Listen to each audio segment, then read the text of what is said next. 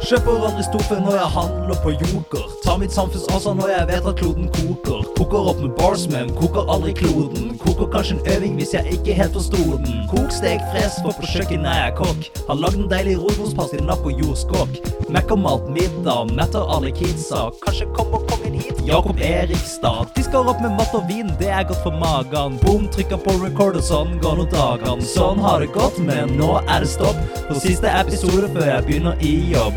Takk til alle lyttere, alle som beskytter det. Noen må ta over nå som Jakey Bassen flytter ned. Ned fra Tyholt, ned til Oslo. Peace out, Indøk. Det var alt fra oss to. Du hører på Typisk Indek med Jakob og Håkon. Masters in Industrial Economics and Technology Management at NTNU with specialization in computer science and optimization.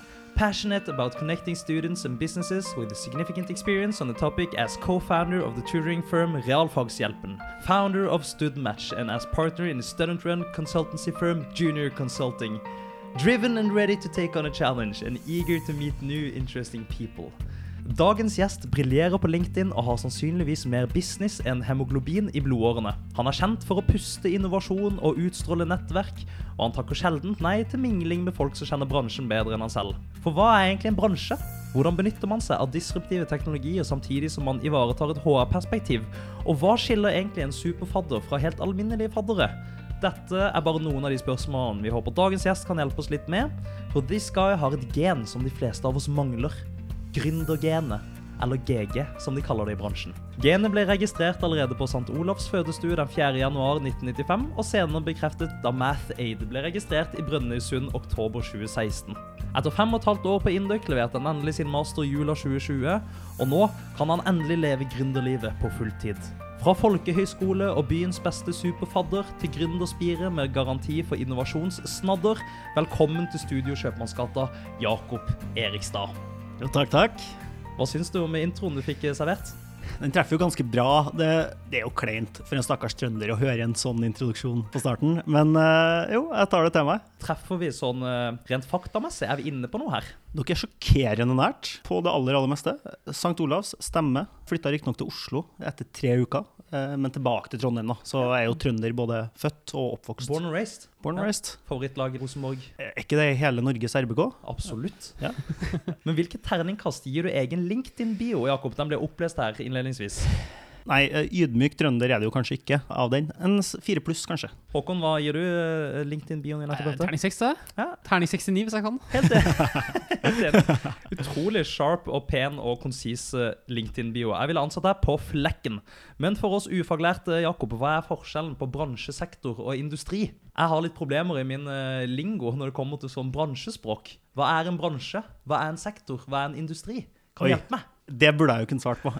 Nei, faen, jeg har ikke peiling, ass.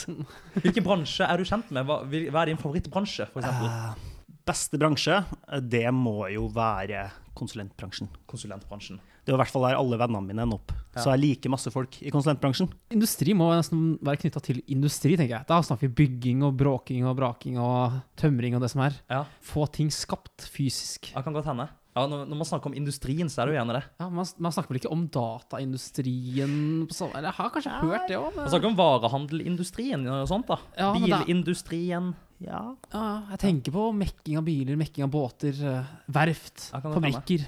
Ja. Men vi snakker ofte om at eh, hva er det man ender opp med, den der eh, bindeleddet sin alumniundersøkelse. Ja. Så er det vel de som havner i industrien. Nå snakker vi da Equinor, Hydro og de pakkene der, at det er industrien, mens konsulentselskapene ikke er industrien. Nei, det er litt mer mykt når det er en bransje. Nei, men Jeg har problemer med språket. her, Det er komplisert. og Kanskje blir vi litt klokere etter denne episoden. her, Men eh, Jakob, hvor digg var det å levere masteren til jul? Hvor digg var det å bli ferdig utdanna? Vi sitter jo her med en alumni i studio. Ja, eh, Det er jo en ny faktafeil, da, for så vidt i introen. Det var jo ikke til jul, det var 1. februar, fordi vi fikk pusha litt på den fristen. Men eh, utrolig digg. Nå har vi jo faktisk eh, fått tilbake tilbakemelding og i det hele tatt. Og gutten har stått. Gutten har stått. Nå eh, hadde jo møte med veileder i går, faktisk. Nå har jeg fått kjøpt meg den eh, brukta NTH-ringen. Oi, Ja. ringen er på. Den Tok er, i- den, ikke på, eh, den er kjøpt. Den er Den er bestilt og kjøpt, betalt. den er tatt på. Den Ja, den er- eh, er på fingeren nå. Sægeren! Der sitter jeg. Håper vi du Første- beskriver hva vi ser. Ja, det er en eh, ring som er Det ser jo litt ut som gull herfra. Er det mulig jeg tar feil? Jeg, Det er helt riktig. Det er gull og Og så er det en liten, stål, tror jeg. og så er det en liten sånn derre sirkulær kule som ligger inni et sånt eh, Hva skal jeg kalle det? Et kammer. En kamera Ja. på toppen. Hvor mange karat er det vi snakker her, Jakob? Helt eh, Eller ville blank mengder karat. Jeg vet ikke. Ja, Det første jeg tenker når jeg ser den, er at den kan være god å banke med. Den Ja. går- Ja. Ja, derfor Jakob har den. det stemmer nok. Hva Men kost- hva eh, koster nei, en den sivingring om dagen? litt mer enn en god middag på Fagn. 4800 kroner. Ok. ja, ja. Men den måtte jeg ta av da, i møte med veileder før vi fikk tilbake karakteren. Jeg turte ikke å sitte der og ha Nei. den på fingeren. Og ta seieren på forskudd. Ja, nei. Men jeg tror at eh, ingeniører trenger det, fordi man er litt, som er litt spinkel. Får ikke trent så mye, jobber veldig mye. Da trenger man en ring for å kunne banke litt. ha et ekstra ferdighet. da. Maskuliniteten Mm. kommer derfra. Ja, fra ringer og jugl. Mm. Jeg syns å huske at det hvert år er noen som vinner ringen gratis. Jeg vet ikke om dere kjenner igjen det konseptet der. De som lager ringen, har en konkurranse. Og jeg har hørt om flere indere tidligere som har vunnet ring gratis, men du kjenner ikke til noen på ditt kull, Jakob, som stakk av med en gratis ringring? Nei, det var jo i hvert fall ikke meg, og så er jo sjetteklassekullet relativt eh, lite. Så det var stort sett meg og Trym det sto om, da. Og ingen av dere stakk av med en gratis ring. Nei, stemmer. Jakob, hvor godt husker du fadderuka 2016, og hvor gøy var det å være superfadder?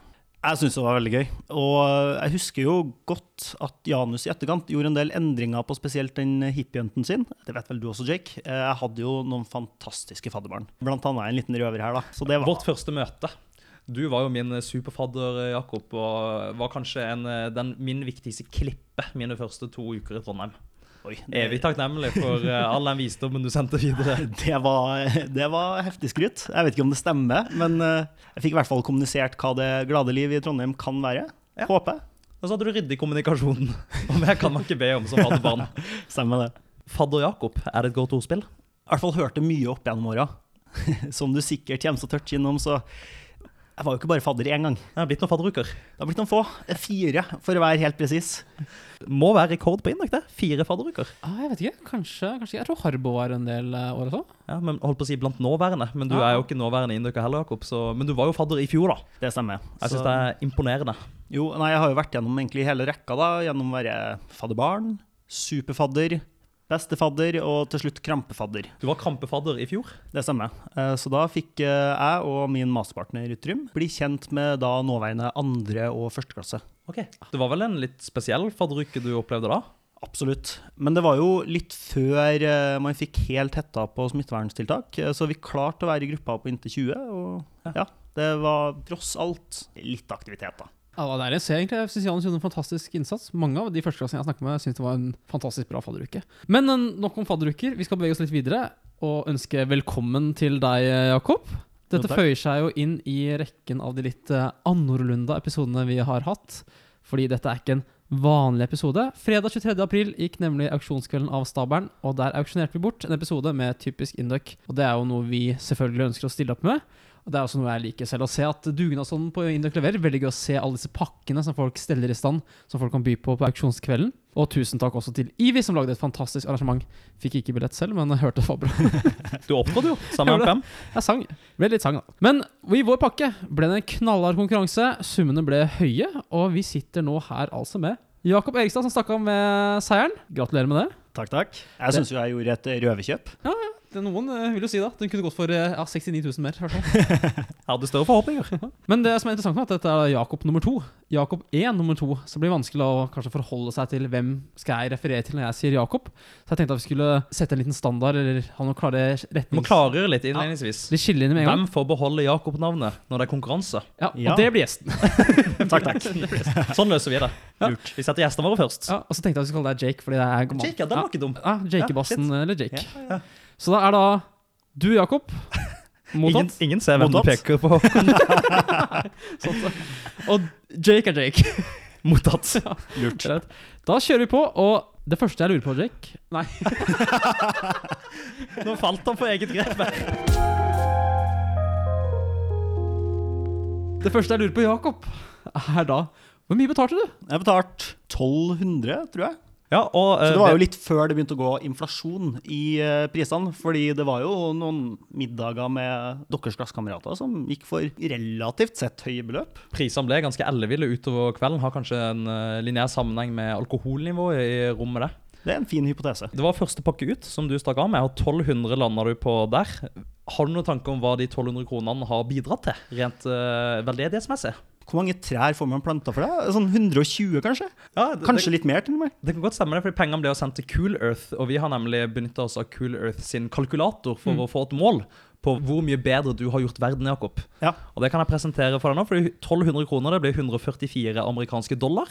Og ifølge Cool Earth sin kalkulator så har du altså redusert utslipp tilsvarende 107 tonn med karbondioksidekvivalenter. Det er Riktig. helt enormt. Ja, det Og for oss eh, ikke, som er, ikke er helt inn i hva en eh, ett tonn med karbonekvivalent er, hvor mye er det? Ja, det er jo, Se for deg et tonn med CO2, da.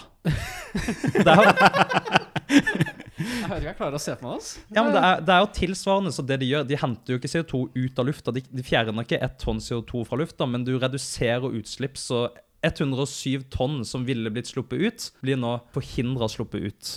Det er sånn man kan se på det, hvis jeg har forstått det riktig. Ja, Hvor mye er- hvor mye er en flytur, da? For eksempel, til, eh, kan vi få tall på det? Bare Og det er jo helt sikkert ellevilt mye, da. De flyturene er jo miljøverstinger. Ja, men det er kanskje en tur-retur Trondheim-Oslo? Kan godt I Norge slipper vi altså ut i snitt 7,9 tonn CO2 per innbygger. Det er set for life. Det er fantastisk. Det er godt for samvittigheten, det, Jakob. Det, det hjelper på. Jeg så Hyggelig. jo, så jo mitt snitt, fordi eh, jeg har jo venta på en invitasjon til podkasten nå i ja, et år. Så var det siste mulighet, og da, da må du bla opp. Ja.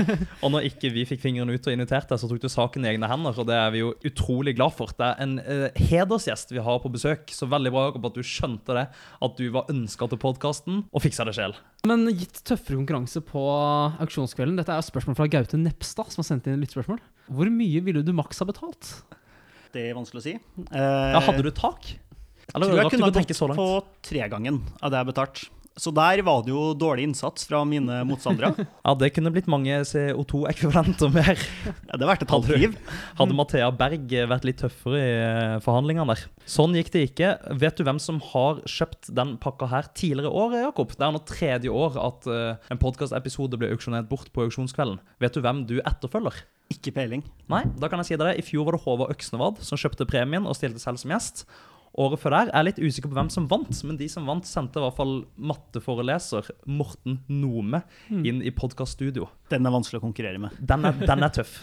En av de episodene som har blitt lytta til mest, det er altså av eh, foreleser, ikke inderker Morten Nome. Youtuber er han jo, ikke bare foreleser.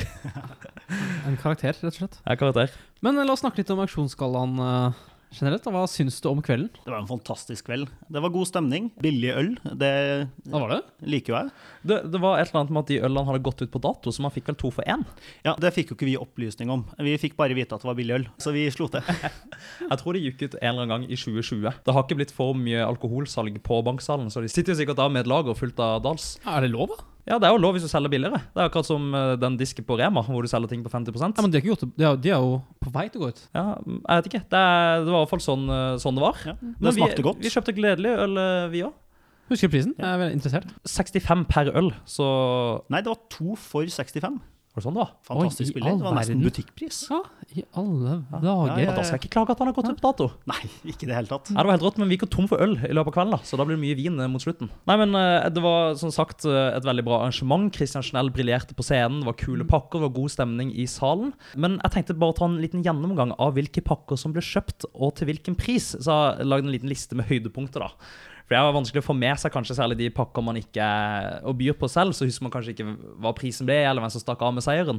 Så jeg kan bare eh, gå gjennom her at eh, pakka Frøken Strøken, eh, som inkluderte yogatimer og en rettetang osv., den gikk jo selvfølgelig til Anders Danielsen for 4K. Din eh, kollega og venn. Videre så gikk jo bedpressen med Mickey Finzi and Company, dette nyoppstarta konsulentselskapet til Christian Schnell, Øyvind Larsen og Magnus Wettjen, gikk til Mathea Berg for rolige 9100? 9100. Det er noe av det høyeste jeg har sett. Ja, det er jo en Ja. usannsynlig sum for én kveld med middag og drikke. Men den var vel litt utover kvelden, så når det hadde begynt å gå litt inflasjon i prisene Og så hadde de gjort et godt innsalg med en ganske solid bedpress forrige uke, hvor de hadde tiltrukket seg litt oppmerksomhet. Så det var jo et høydepunkt i løpet av kvelden der. En Ja, av de uten største tvil. pakkene der ute. Nei, videre så kjøpte Ellie Berglund intimkonsert med MKM for 3500. Gøy det for en førsteklassejente. ITV Agnes Rock'n'Roll Mathisen kjøpte hyttetur og navnerettigheter på Induk-mobilen for 6K. Hva syns du om ordspillet? Induk rock Agnes fantastisk. Rock'n'Roll Mathisen. Nei, Der var jo vi inne og bydde på pakken, men eh, ja. Det var vanskelig å slå Agnes på den. Det gikk ikke. Vi må ikke glemme at eh, Thomas Lindberg vant en eh, tilsvarende tur gratis. Når eh, den nye nettsida til hovedstyret ble lansert, så var det en konkurranse for alle som meldte seg på et arrangement, hvor hovedpremien der var tur til Induk-hyttene og låne Induk-bilen. Thomas Lindberg er jo SEF-typen som stikker av med det. Så avslutningsvis så kan jeg nevne at Morgan Heggelund, mannen bak Rubber Duck og den nye nettsida, kjøpte åtte kilo Sørlandschips for 3,2 tusen. Jeg lurer på, Jakob, om du har vært gjest i denne podkasten før? Nei, Er du helt sikker på det? usikker. Det jeg sikter til, da, er at eh, du har blitt nevnt i denne podkasten før. Du har blitt snakka om som om du har vært gjest. Ok. Og det kan man høre i en tidligere episode, for det fins nemlig et klipp. Og jeg har brukt utrolig mye tid og innsats for å finne igjen dette klippet. Jeg husker jeg hørte det for ca. halvannet år siden. Litt usikker på hvilken episode det ble nevnt i. Men det kom altså fram i episoden med Kari Eide Hartvedt. Tidligere Inducker, nå er hun Equity Research Analyst, analyst i Pareto, i Pareto Securities. Og hun spør daværende programledere om hvor bra hun sine personlighetstrekk For det var en sånn podkast det var før, hvor du tok personlighetstester og fikk scores på The Big Five. Og tidligere fasetter. Hun spør om hvor bra kovarians hun har med den gjennomsnittlige indøkeren. da. Og da kan vi egentlig bare høre litt på det klippet som vi skal spille av nå. Hvordan korrelerer jeg med den jevne inndøkker? Ja, vi har jo tidligere vært oppe på tall som 87, eh, er kanskje 88, Jakob Erikstad, høyeste så langt. 88 Jakob Erikstad høyeste så langt. Hva er dette her for noe? Jeg er helt blank, jeg. Ja, da kan jeg fylle inn litt informasjon her. fordi det som er at i dokumentene, i notatene til de tidligere programlederne, Nora og Mette, så fins det et navn som heter Jakob E.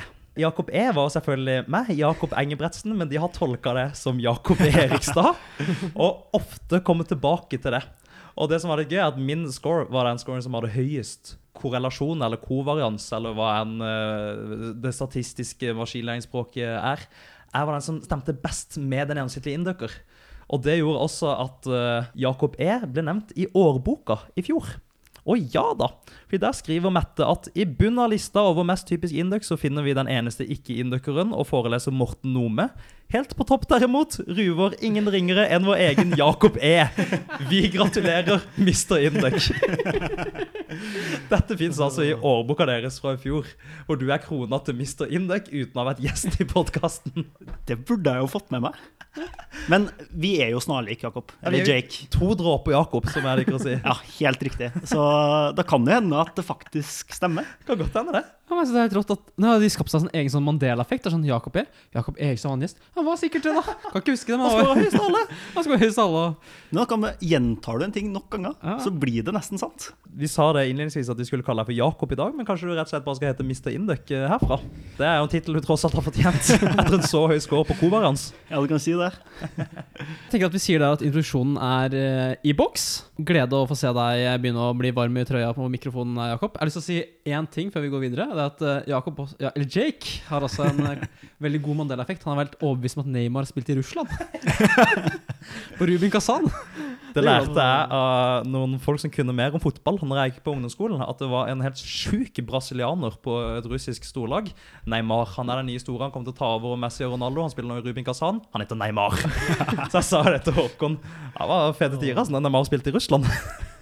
Måtte hardt slå ned på det, og nå skal jeg hardt slå ned på at vi skal gå inn i spalten 20 spørsmål. Velkommen til 20 spørsmål, Jakob. Du har hørt på episodene tidligere og kjenner reglene i denne spalten. Er du klar? Kjør på. Jeg vil vite ditt fulle navn. Jakob Erikstad, Alder, 26. klassetrinn. Ferdig. Ingen klastring. Altså, Vi kan ikke kalle deg sjetteklassing lenger. Du skal få lov. Dere har jo Fram tross til alt sommeren. introdusert meg som sjetteklassing, Ja. men på det tidspunktet jeg ble introdusert, så stemte jo faktisk Teknologiretning. eh, data, men starta på maskin Ja, Og tidbytta, du. etter første klasse. Ja. Så jeg liker å tro det er derfor jeg har brukt litt ekstra tid. Ok, ok. Ja, Da kan du bruke det som et påskudd. da. Helt riktig. Måtte ta opp diskmatt og sånt, så da er av det helt tallet der. Fra hvilken by? Trondheim, Sivil status. singel. Har du noen løpende verv? Nei. Har du en jobb ved siden av studiet? Eventuelt har du et studie ved siden av jobben? Jeg har helt eh, riktig som du sier, et studie, eller eh, ja, flere fag ved siden av jobben. Tar du fag? Jeg tar fag. Ja, Hvorfor det? Og hvilke Eh, fag? Nei, Jeg må jo finansiere grunnertilværelsen. Ja, du får fra Lånekassa, du. får Jeg sånn. får fra Ja, Lånekassa. men da er du jo og jeg- sjetteklassing. Ja, eh, jo, under alle da, kunstens stemmer former. det. Men eh, nå tar jeg jo medisin for ikke-medisinere. Ja. Retorikk. idrettsfysiologi. Og sosialpsykologi. Så bare godt tatt til enkleste som er. Enklefag.gløs.no. Du dunker inn 30 studiepenger, altså. Men det er klart det. For altså, da du makser stipendet. Ja, ja, ja. Her, kanskje vi skal innom medisin for ikke-medisinere senere. Men da du var liten, hva ønsket du å bli når du ble stor? Da vil jeg bli brannmann. Første brannmann, men brannmann er jo kanskje det flest gutter ønsker å bli når de er små. Brannmann og politi, det var Mm, Ja. iallfall hos oss. Ja, det er veldig synlig, i hvert fall. Jeg synes, han- så er Brannmann Sam et veldig kjent TV-program. Jeg tror det var utslagsgivende. Ja. Stole på Det, brannmann er sånn, det går samtidig med Postmann Pat, men Postmann vet man liksom at nei, det er ikke det helt store. Altså. Han er ikke like stilig. Nei, ok. Og så ser man den eh, Postmann Pat-dubben i løpet av barneskolen, og da vil man ikke bli postmann lenger.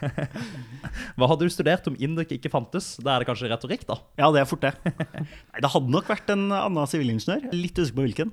Hvis du måtte kaste ut noe, hvis du måtte valgt noe nå.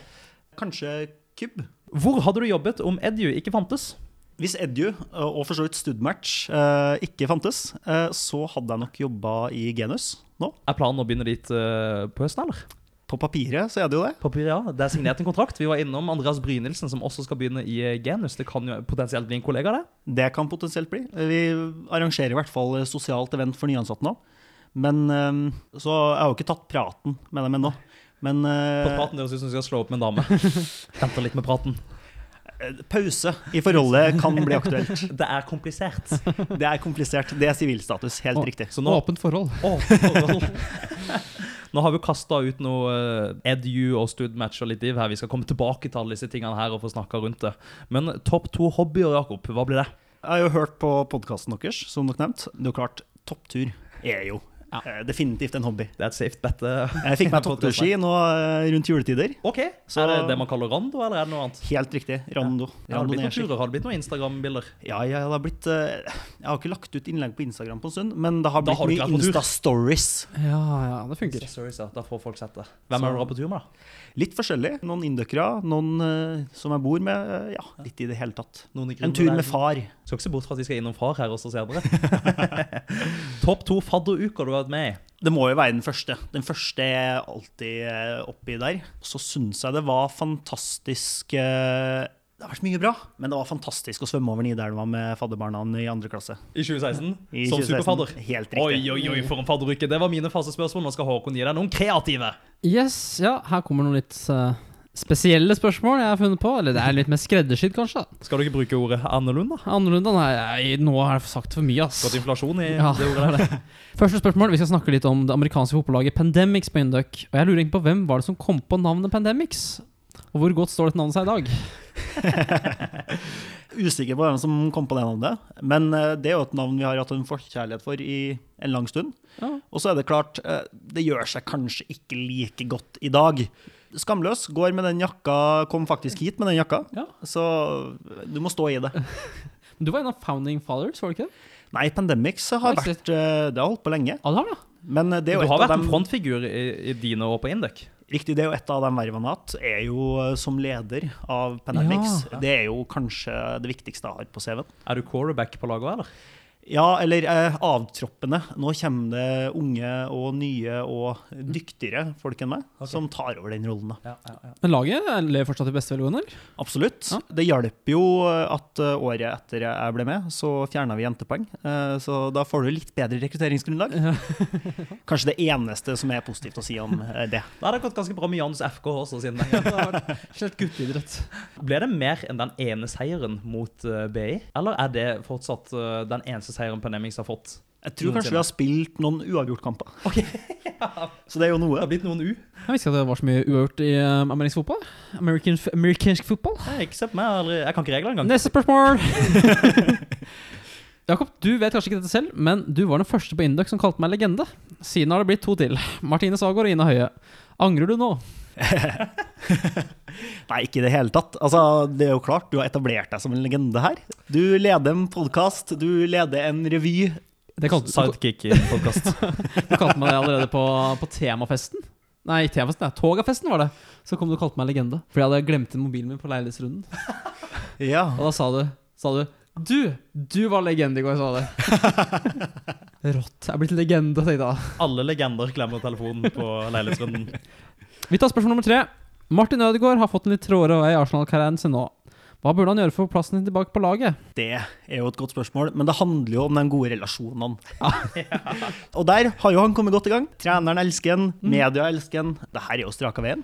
Martin Ødegaard er jo en god venn av podkasten. Sender stadig inn lytterspørsmål og bidrar til innholdet. Mye penger, faktisk. Han er jo en sponsor, uten at vi slipper å ja. Ja. Det er- Eller vi er skjult sponsor, egentlig. Så det her Håkon, klippes bort. Håkon sender stadig vips request på 100 000 til Martin Ødegaard, men han avslår hver eneste gang. Han er da blokka meg, hørte Du har ikke forsøkt å gå for lavere beløp? Nei, det skal, skal minst 100 000. Men dette var uansett den aller siste 20 spørsmålsspalten noensinne. Av meg og Jake. Et historisk øyeblikk som vi er glade for å kunne dele med deg, Jakob. Ja, det, det var vakkert. Og nå skal vi inn i kosepraten. Og velkommen skal du, Jakob, og alle der hjemme være, til den aller siste kosepraten holdt av meg og Håkon noensinne. Et historisk øyeblikk som jeg er veldig glad for å dele med deg, Jakob. Vi skal ta en titt på nåtilstanden, eventuelt nåverdien, av ditt hverdagsliv. Da vil jeg at du bare skal si litt om hva du bruker tid på for tida. Som vi så vidt har toucha inne på, så tar jeg litt fag. Denne uka her så fant jeg ut at eh, jeg og Trym vi har eh, ti øvinger i medisin for ikke-medisinere vi må levere innen søndag. Så det, det, det blir satt av en dag til det. Skal det kokes, eller slipper man det i et sånt fag? Jeg har en hypotese om at det ikke trengs. Jeg tok medisin for ikke-medisinerne våren i fjor. For å kunne ta eksamen så måtte man ta liksom én sånn test. Det var sånn 100 spørsmål. Så måtte man få sånn 60 riktig. Sant? På den. Du kunne google underveis, det var dritlett. Og når det ble koronagreier og sånt, så endte det opp med at «Ai, vi får ikke avholdt eksamen, vi. Så da ble det bare de som hadde hatt godkjent øvingsopplegg, fikk 7,5 studiepoeng. Oi, Så det var ganske rått fag. Det er da. jo fantastisk. Men her venter det en eksamen. Det er planen. Her venter det en eksamen. Det blir interessant. Og Det handler om medisin, dette faget. Jeg er litt nysgjerrig på det selv, eh, og vi har aldri diskutert det i podkasten. Du har kanskje ikke studert det faget så nøye hittil selv, men Jeg har ikke et fantastisk grunnlag for å si så mye om faget. Nei. Enda, vel å merke. Ok. Relativt standard anatomi, egentlig. Og så er det litt vanskeligere enn det allmennkunnskapen er. Da. Så det var mye jeg ikke kunne. Hadde klart meg mye dårligere uten Google som hjelper. Nei, men eh, ellers så det går jo en del i gründervirksomhet. Da er det jo Edu, der vi lager et eh, digitalt læringsverktøy. Det er jo en spin-out fra den som forhåpentligvis mange lyttere av eh, podden kjente, Realfagshjelpen. Ja, Om ikke de visste hva det var fra før, så lærte de kanskje på auksjonsgallaen. Der ble det jo nevnt inntil flere ganger. Eh, og- Fordi helt Folk riktig. kjenner jo det fra realfagshjelpen, først og fremst eh, Jakob. Tidligere MathAid, som det het da det ble registrert i Brønnøysund MathAid 2016. pluss, faktisk. MathAid Pluss? Ikke Var det bare spør for, kun hvorfor. for abonnenter? Det, ikke spør. Men det ble realfagshjelpen en gang i 2018, eller? Eh, Noe sånt. 2017, ganske Ok. nøyaktig ett år etter vi starta, så fant vi ut at eh, Mataid, det, det glir ikke så lett på tunga. Kan du fortelle litt om eh, oppstarten av det selskapet? Var det det første eh, selskapet du starta? Hvem starta du med? Det var jo eh, jeg og en eh, kompis, en klassekamerat, eh, som heter Fredrik Kittelsen, som eh, begge hadde drevet med litt eh, privatlærevirksomhet fra før av. Og så satt vi på lesesal da, inn mot eksamensperioden eh, første klasse. Da var det jo lett å la tankene gå, tenke på litt andre ting. Ja, Når man har gründergenet, så skjer jo det. Det er litt det. Produktiv prokrastinering bruker jeg å kalle det. Ok. Da fant vi ut nei, la oss gjøre det her. Sendte inn ideen til Spark. Ja, Eh, Som det- er en eller annen det er- fasilitet på eh, Hvor er det de holder til? Er det det som heter Gründerbrakke, eller? Nei, eh, er vi ikke på Framma? På Fram, ja. Jo, riktig, på Fram. Så det er litt det samme som Start NTNU. Så har du Spark NTNU ja du skal som hjelpe å kickstarte sånne Riktig. Så gründerideer. da og- får du en veileder, realiseres. og du får litt sånne greier. Ok. Og så sendte vi ut en mail til klassen og spurte eh, det her blir en bra greie. Er det noen som har lyst til å bli med? Ja. Og da fikk vi med oss eh, Magnus Lian. Med trønder Magnus Lian. Ja, det er viktig å få litt trøndere inn i miksen. da. Det, det tror jeg. det er altfor få av dem, men de sparker bra ifra seg. Så dere tre var co-founders. Helt riktig. Nydelig. Og da, da starta vi i gang. eh, Drev mye med det sjøl. Og så eh, ble det fart etter hvert. Vi fikk en artikkel i Adresseavisa. Da kom det masse kunder, og vi var ikke forberedt på det. Eh, Måtte rekruttere litt klassekamerater, og så, Ja, sånn så som rulla ballen. privatlærer. Ja. Ja, riktig. Dere var da en direkte konkurrent av Enter, kan jeg se for meg, som man kanskje har sett på gløs? Det er mange Eller? som tror det, men Enter er jo et statlig finansiert tilbud. Der hvor du driver med, du får studenter til å holde klasseromsundervisning. Fantastisk bra tilbud, men eh, vi er jo litt mer kommers. Og du, du har én lærer og én elev som sitter Ja. sammen. Hva er vektoren her? For det er også sånt lærergreier. Ja, Vektor er jo retta mot ungdomsskole, Ja. eh, og det er jo litt som Enter. Bortsett fra at dem som gjør det, ikke får betalt. Nei. Jeg skal ikke si om Enter eller Vektor enter er best, men eh, går du på Indux og, og har lyst på en lønn, så er kanskje enter bedre betalt. Men igjen, realfagshjelpen er jo da Hakk over der igjen. Ja, Det er helt, helt klasse. riktig. Ja, det er mersa innenfor dette, denne bransjen her. Men eh, det var litt om realfagshjelpen. Nå er det jo ikke det du driver med, nå er det jo Edu, og hva går det ut på? Riktig. Det var jo et prosjekt vi starta egentlig i realfagshjelpen. Fordi eh, vi syns jo det er veldig gøy å drive på med privatundervisning, og det funker godt for elevene. Men det er jo ikke så skalerbart. Og det å sitte én person sammen med en annen person og lære opp. Så da er tanken, hvis du kan samle data på det folk gjør i løpet av eh, en læringsprosess, du gjør oppgaver, hva er det du kan, hva er det du ikke kan. Og når du ikke får til ting, så kan vi da skjønne hva er det du ikke får til, og peke deg til det materialet. Ok, så dette er, Det starta som en idé innenfor realfagshjelpen, en egen vertikal, og så har det vært en f- fisjon, da? eller? På Et sett eget og vis. selskap. Så da tok vi med oss dem som hadde jobba med det, og laga en egen greie på det. Fordi det fungerte ikke helt å gjøre det i realfagshjelpen. Nei. Eh, Nå skal vi hente funding, ikke sant, og de har jo ikke lyst til å gi penger til noe som har holdt på i fem år. Så Det måtte være nytt. Det måtte være nytt. Ferskt. Ja. Innovativt og nytt. Så hvilke folk har du fått med deg i Edu, da? Hvem er det? Jeg har jo blant annet lurt med meg deres eh, kjære romkamerat, Ja, da. Marius eh, Engen. Sitter 15 meter unna oss nå, med en dør imellom. Helt riktig. Trym eh, er jo med der. Det er jo en del som kanskje har vært borti Trym. Han liker å gjøre litt ut av seg. En ganske beskjeden fyr på Indøk, tenker Ja. sikkert dere kjenner han. Noe Trym sånt. Håkon heter han. Og så eh, har vi fått med oss eh, litt diverse andre. Vi hadde med også en som var i realfagshjem før, David Jammisen, tredjeklasse inndukker.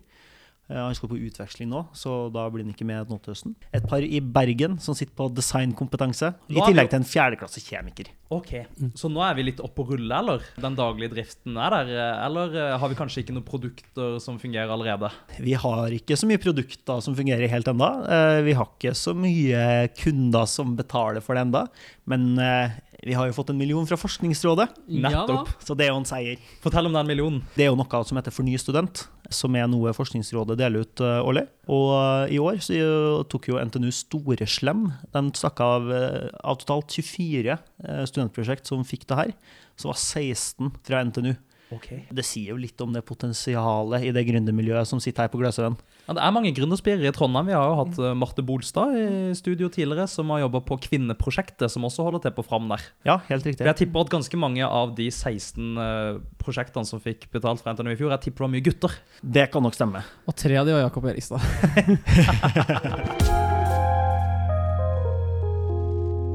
Jakob, eh, sosialt, hvilke folk er det du kan henge med i Trondheim? Er det noen igjen fra gamleklassen her? Altfor få. Det har blitt mye trym. Det har blitt noe trym. Det har blitt noe trym. Vi trives jo godt sammen. Men eh, også Han har spurt om det som et lytterspørsmål, faktisk. Hvor mye har du sett av Trym siden 2019? For mye? akkurat passe. Kan det bli for mye Trym? Jeg er glad for at vi ikke bor sammen, men eh, bortsett fra det eh, så har det fungert veldig godt. Magnus Arveng og Moina de bor vel sammen fortsatt. De vi kjenner fra Arveng Technologies, eller Intention som det heter nå. De som skal til Mars. Ja, Med riktig. Hansken sin og drona si. Magnus er jo en av de få kall det, gamle klassekameratene mine som fortsatt er i Trondheim. Og så er det jo klart, eh, jeg hadde jo store ambisjoner om å bli godt kjent med klassen deres. eh, For at der er det jo ganske mange, masse trivelige folk som jeg kjenner litt, Ja. og så kom korona. Kanskje ikke så mange der jeg er blant de nærmeste fem. Det har ikke vært så lett å være innbytter i femte klasse i år, nei. Nei, jeg burde ha tatt eh, en hauk og bare starta i femte klasse litt før. Men fikk du ikke noen nye vennskap i fadderuka eh, som var, da? Er det ikke noen førsteklassinger der ute du kan henge med? Jo, det er jo eh, fantastisk gjeng, det også.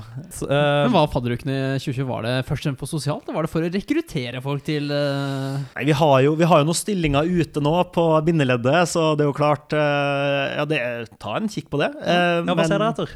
Eh, I realfagshjelpen nå så skal vi jo ha rolla til høsten i driftsgjengen. Ja. Tidenes eh, CV-mat. eh, Tidenes ting å snakke om på eh, et intervju. Selvfølgelig. Fordi jeg er jo litt spent på dette generasjonsskiftet vi får i realfagshjelpen nå. Det forsvinner jo eh, naturligvis en del eh, folk. Mange som nå går i femte klasse, som eh, gir seg. Du og Trym er jo allerede på vei ut, om ikke ute eh, allerede. Men hvem skal ta over? Snakker vi Marius Bolstad? Er det Karen Frøsli? Hvem skal bære lasset nå? Som du sier, da, så er det ikke så mange eh, jenter som driver med oppstart. Så derfor er det jo klart at Mister realfagshjelpen det er jo utdatert. Vi må ha en Miss realfagshjelpen. Så nå er det Mm. Da Maria. benker jeg Karen. Ja, du benker Karen. Ja, venn av podkasten her. Benker Ja, Karen. riktig. Det er Maria Fjelltun Dalvik som eh, Helt riktig. Nå er det hun som eh, sitter i sjefsstolen fra Å ja. og med høsten av. Det er valgt! Det er jeg Ja, vant. da legger jeg ned mitt benkeforslag. Eh, Sorry, Karen. Det jeg trekker det tilbake. eh, Fortell, jeg- Maria. Jeg tror det er offisielt. Eh, Så det, det må vi bare ta en liten sjekk på før den her går ut Naturligvis. på nettet. Send oss, Men send oss en melding. Hvem er hun? du går jo nå i Oi. det- Fjerde klasse? Fjerde klasse, Helt riktig. Ja. Eh, Fra Nord-Norge. Fantastisk eh, dyktig eh, dame. Ja, men nå har jeg også ansiktet for meg. Nå vet jeg hvor vi er. Det hjalp med Nord-Norge. Jeg måtte bare ha en dialekt å koble det til. Nei, men Da får vi ønske Maria lykke til da, med å ta over skuta. Ja, det tror jeg blir kanonbra. Det burde bli bra, det. Eh, Jakob, eh, sist her i kosepraten så lurer vi på hvordan det står til med damefronten. Nei, det er jo kanskje en grunn til at det har blitt igjen litt ekstra i Trondheim. Det er jo for at eh, den kjærestegarantien har ikke truffet helt enda. Ah, Det var det vi skulle spørre om. Fikk du benytta deg av kjærestegarantien? Ikke- Fem og et halvt år som student. Det begynner å Seks bli år. på tide. ja. Ikke Ikke- slå til. Ikke slått inn, ikke slått til. Nå er det bare å sende frie brev. Men ak- apropos slått inn og slått eh, opp.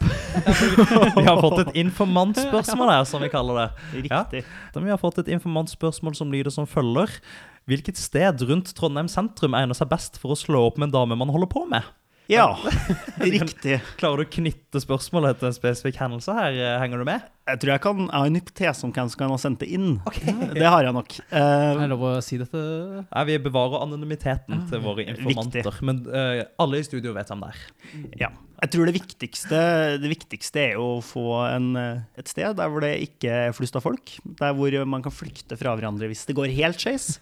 Men du samtidig kan ta en litt rolig, behagelig avsluttende samtale hvis, eh, hvis det ikke er katastrofe. Hvor Og i da Trondheim Ah. er det? er jo Bakklandet et fantastisk sted. Bakklandet. Stedet for den første date og det siste møtet. Hva tenker du om fluktrute er da? For at man, ikke, man burde ikke løpe oppover den bakken. For det er det er fort syra. Da blir du svett. Så enten den veien eller over gamle Bybro. da. Ja. Hoppe i havet hvis det går helt krise. Ja. Jeg, jeg tror vi sier at det var det fra kosepraten. Vi skal inn i den ukentlige spalten Håkons gründerbrakke. Velkommen hit til Håkons gründerbrakke. Ja, dere hører jo på navnet at dette er kanskje litt annerledes enn det som har vært benken tidligere år, men det er fordi vi i Typisk Induc er adaptive. Vi henger på de nye trendene. Når benker har blitt til brakker, ja, da skal vi fanken meg ikke være noe dårligere enn de. Så dermed heter nå Gründerbenken ble da til Gründerbrakka. Og vi starter egentlig med å snakke litt om uh, gründerting, da, men vi har jo snakka mye om det allerede i episoden. Det har Ja. vært litt Vi har skrapt overflaten, men nå tenker jeg at vi skal litt ned i dybden. Se Ja. litt på driverne bak og ja, komme litt til bunns i det, Ja, rett og slett. Vi starter med spørsmålet fra Anders Dalen, som har sendt inn eh, kollega i Realfagshjelpen av eh, deg. Og Anders kjenner deg jo godt, så han kom med et veldig solid spørsmål her. At du er en seriegründer. Så vi skal spørre om selskapene hans. Og nå tenker jeg at Vi har allerede snakka litt om Realfagshjelpen, vi har snakka litt om Edu. Men det er jo ett til. Studmatch. Hva er Studmatch? Du har hatt internship. eh, Å, hei sann. eh, når var det? Og hatt flere? 2019 og 2020? Ja, riktig. Ja. Men eh, det er langt ifra alle som har internship i løpet av studiet sitt. Og kanskje flere inndøkere enn også en del andre. Men hvis du ser på alle på Gløshaugen Utrolig mye dyktige folk, men det er langt ifra alle som får relevant erfaring i løpet av studietida. Og det er også sånn at når du får et internship eller deltidsjobb som er relevant, så er det gjerne mot slutten. Ja. Og her er det jo et massivt potensial. Her er en arbitrasje, for så vidt et fint ord. Eh, Mm, her er- Deilig Ja, ja, ja. faguttrykk. Målet er da å hjelpe bedrifter til å skjønne det her, og til å nå ut til studentene, sånn at de kan tilby spennende og relevante deltidsjobber og internship til studenter. Særlig da dem som ikke gjør det allerede. Ja, mange av de som går inn og har eller hørt om Poption, som også er en sånn annen sånn internship-type startup fra Utspring for Induc. Men dere høres ut for meg at forskjellen ligger litt i at Poption handler mer om selve prosessen, men dere er mer for å finne de rette Ja, helt riktig. Poption er jo et eh, flott verktøy for å kjøre hele prosessen, mens vi ønsker å opplyse bedriftene i større grad om hvordan er det de skal lykkes, og også hjelpe dem med å nå ut. da. Ja, skal det være en eh, Tinder-variant her som eh, matcher den beste student med den mest passende bedrift? Eller eh, hvordan skal man eh, få disse to partene til å møtes da, i vellykka forhold? Det går jo kanskje, særlig i startfasen, da, så blir det jo gjennom kanaler som Bindeleddet, Teknologiporten osv. osv. Legge ut stillingsannonser og hjelpe dem å formulere gode stillingsannonser. Men på sikt så vil vi jo også da vite hvem er det som har vært gjennom systemet vårt før. Da vet vi jo selvfølgelig at eh, Jake han passer utmerket godt på forretningsutvikling. Eh, Bare fortsett, bare retoriske fortsett. ferdigheter og i det hele tatt. Og da, da kan vi sette han rett inn i kommunikasjonsbransjen, ikke sant? Ja. Få han inn i PR-verden. Riktig, sånn som Trym. Ok, det her var jo ganske spennende. Dette er et selskap som du driver alene, eller har jeg forstått det riktig? Jeg har hatt det alene en stund, men eh, nå har jeg vært så heldig å fått med både ei fra entreprenørskolen, ES. De er jo noen arbeidsmaskiner uten like. Ja, de er glad i en god idé. i En god De forretningsidé. er uten tvil. Så har vi også med mm, ei fra tredje klasse Indøk, Katrine Pedersen. På Ja. et såkalt internship ganske nylig, og ei fra fjerde klasse kjemi. Så nå er dere en gjeng på fire i eh, studmatch? Riktig. Ok. Ja, hva, hva er sånn størrelsesordenen på Fordi vi har eh, studmatch, vi har fire stykker. Edu, hvor mange er det der? Der er vi jo nå da fem, er vi ikke det? Fem? ja? ok. Mens realfagshjelpen er litt den er større, for da har du mange ansatte og sånt. Ja, for at i realfagshjelpen så har vi jo det som vi kaller driftsteamet. Så Ja. der er det en 16 stykker, eller jeg tror det er i hvert fall det nå. Og så er det en 60 lærere da, som Ja, ja. jobber. Dægeren, det blir skala av det her, tror jeg. Altså. Det blir skala, og det er jo altså, hvordan, Jeg blir så imponert over hvordan du klarer å sjonglere dette her, samtidig som du deiser inn eh, 30 studiepoeng med medisin for ikke-medisinere osv. Du har jo ekstremt mange baller i lufta, Jakob. Jeg lurer litt på hvor all den gnisten kommer fra. Hvordan får du ideer, og hvordan går du fra idé til bedrift? Som vi har toucha innom før her, da, så er jeg jo glad i en øl. Eh, og, og jeg har jo en hypotese om at de beste ideene de kommer også etter en øl eller to. Men eh, litt fra spøk til alvor, så det er jo gøy å drive med. Utrolig mye flinke folk man kan jobbe med, utrolig mye spennende problemstillinger å ta tak i. Og så er det jo mye tilfeldigheter. Og du ser OK, her prøver vi på noe, og du lærer deg litt hvordan det er. Og jeg tror, har du vært gjennom det en gang før, så er det veldig mye lettere å gjøre det gang nummer to. Det er interessant, fordi jeg også har veldig mange gode ideer når jeg har drukket to-tre øl. Men samtidig så er det sjelden de realiseres. Jeg kommer meg aldri jo, Det er når jeg våkner opp dagen etter. Da lar jeg den bare ligge i gårsdagen. Den gnisten, og det å faktisk gjøre det, det er det Ja, du som mangler en slags gjennomføringsevne eller en eh, visjon om hvordan du skal realisere Nei, det til noe vil- vil større ikke enn nok, en liksom. idé. Nei, du vil ikke nok. det det som er gøy med å få med mange i f.eks. realfagshjelpen osv., er jo at da har man på en måte vært litt gjennom det. Mm. Det er jo flere som har vært med der før, som nå har gått og starta sine egne bedrifter senere. Det er utrolig gøy. Det er veldig gøy å gjøre det sjøl, og så er det kjempegøy å se at også andre gjør det, og at man kan bidra til å få flere til å gjøre det. sånn. det Ja, ja. for at den nye olja, det er jo innovasjon. Disruptive teknologier og Hvilke buzzwords eh, er det man burde nevne når man søker midler til Forskningsrådet? AI, Ah, selvfølgelig. Nei, ja. Ah, kanskje maskinlæring i stedet for. Litt Ja, ja. usikker. Bærekraft må vel inn der, innovasjon må vel inn der. Skalerbarhet. Hvis du ikke har Skalerbarhet. skalerbarhet, så er det bare å glemme penger, altså. Sømløshet er det fint å få inn. Vi har ikke prøvd det sjøl, men det er sikkert eh, det er et vakkert ord. Digitalisering. Digitalisering er kritisk. Ja, det må helt en. essensielt. Og innovasjon og innovasjonshøyde. Innovasjonshøyde, hva er det? Ja. Det er noe Innovasjon Norge de er jo veldig opptatt av, den eh, berykta innovasjonshøyden. Det må være nytt nok, det må være unikt, og det må være noe som har potensial til å endre ikke bare Norge, men det må endre verden. Ja. Så internasjonalt er jo det klart. Det Ok, men Er det en score på innovasjon knytta til en gitt idé eller en gitt bedrift? Ja, eller Det er i hvert fall magefølelsen til saksbehandler, da. Ok. Du vil ha høyest mulig innovasjonshøyde? Helt riktig. Ja, ok, da er vi. Jeg tror ordet ambassade burde få komme seg inn. Ja, ja, ambassade. Nå er vi inne på litt ord og terminologi. Et ord som jeg har hørt altfor mye i det siste, det er unicorn. Henger dere med på det? Nei. Når man snakker om unicorns. Ja, ja, Det, ja. er, det er tydeligvis bare én gründer i rommet. Eller to, da. En Hva er enhjørning. en, hva er en enhjørning, Jakob? Nå skal jeg passe meg litt, for at jeg kan ikke den eksakte definisjonen. Men det er en bedrift som er verdsatt til over 1 milliard dollar Ja, Ah, stemmer. i løpet av et visst tidsrom, og gjerne retta inn mot teknologi. da. Ok. Så Spotify det er jo en enhjørning. Ja, jeg tenker også på Spotify som det første selskapet når det er snakk om unicorns. Så Sverige de har jo produsert eh, mange enhjørninger. Eh, litt husker man det er ni, eller hva det er. Var det ikke en DN-artikkel om det her? Sverige produserer så mange unicorns, hvorfor klarer ikke Norge å gjøre det samme? Jo. Sånn? Og hva er svaret, Jakob? Hvorfor Svaret går er jo Sverige at og ikke vi, Norge? vi selger bedriftene våre til USA før de rekker å bli enhjørninger. Eh, Så Spacemaker, som sikkert mange på Indøk har fått med seg er en ganske kul greie, Ja. de solgte jo nettopp eh, til et amerikansk selskap. Fikk ganske bra betalt. eh, Både tidligere indøkere som har jobba der et par år, eh, Ok. og eh, for så vidt gründerne. Mm. Jeg forstår det jo, og det ga mening, men jeg skulle jo gjerne sett at de holdt på det et par år til. og ja. Ja, fordi Da selger de før de har muligheten til å bli en unicorn, eller? Hadde de holdt på et par, to-tre år til, så kunne de vokst enda mer som Spacemaker, men nå er de spist opp av et større selskap. Riktig. Og kan aldri få den definisjonen, da. Riktig. Så hadde de bare blitt eh, fire ganger større, ikke sånn all verdens mye større, så hadde de jo fått den definisjonen. Har du jobba i Spacemaker? Ja, jeg var der for et års tid siden. Har du troa på forretningsmodellen? Det er jo et fantastisk kult selskap. Absolutt, de har noe for seg. Det er klart, eh, det er jo litt synd at de ikke er norsk lenger. Ja, ja. Hvorfor er det så mange som blander Spacemaker og Solution Seeker?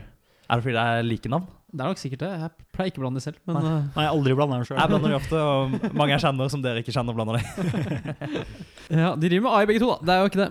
Men eh, vi har hatt lyttespørsmål fra Trym. Han lurer på hvor mange interns du hadde i sommer. Jeg og Trym var jo interns sjøl Oi. i d- Genus. og Det var veldig kult. Så var det jo også sånn at eh, korona traff jo. Korona. Fade over, eh, fade over Norge. Og da eh, var det jo ganske mange som eh, enten begrensa eller utsatte internshipsa sine. Og så da så vi Oi, men vi har jo ganske mange kule ting som kan gjøres i realfagshjelpen. Så da lyste vi ut stilling på det, og fikk inn sjokkerende mange søkere. Ikke så fantastisk godt betalt at det gjorde noe. Men kule arbeidsoppgaver, en del kursing. Fikk jobbe i team med andre flinke folk. Mm. Så da ansatte vi 14 interns. eh, Som Dere hadde jobba. 14 interns i sommer. Ja. En sommer der veldig mange fikk avlyst sitt internship. Så Riktig. klarer Realfagshjelpen å mobilisere 14 internships. Riktig. Ble de betalt på timer, eller fikk de betalt for den verdien de leverte i selskapet?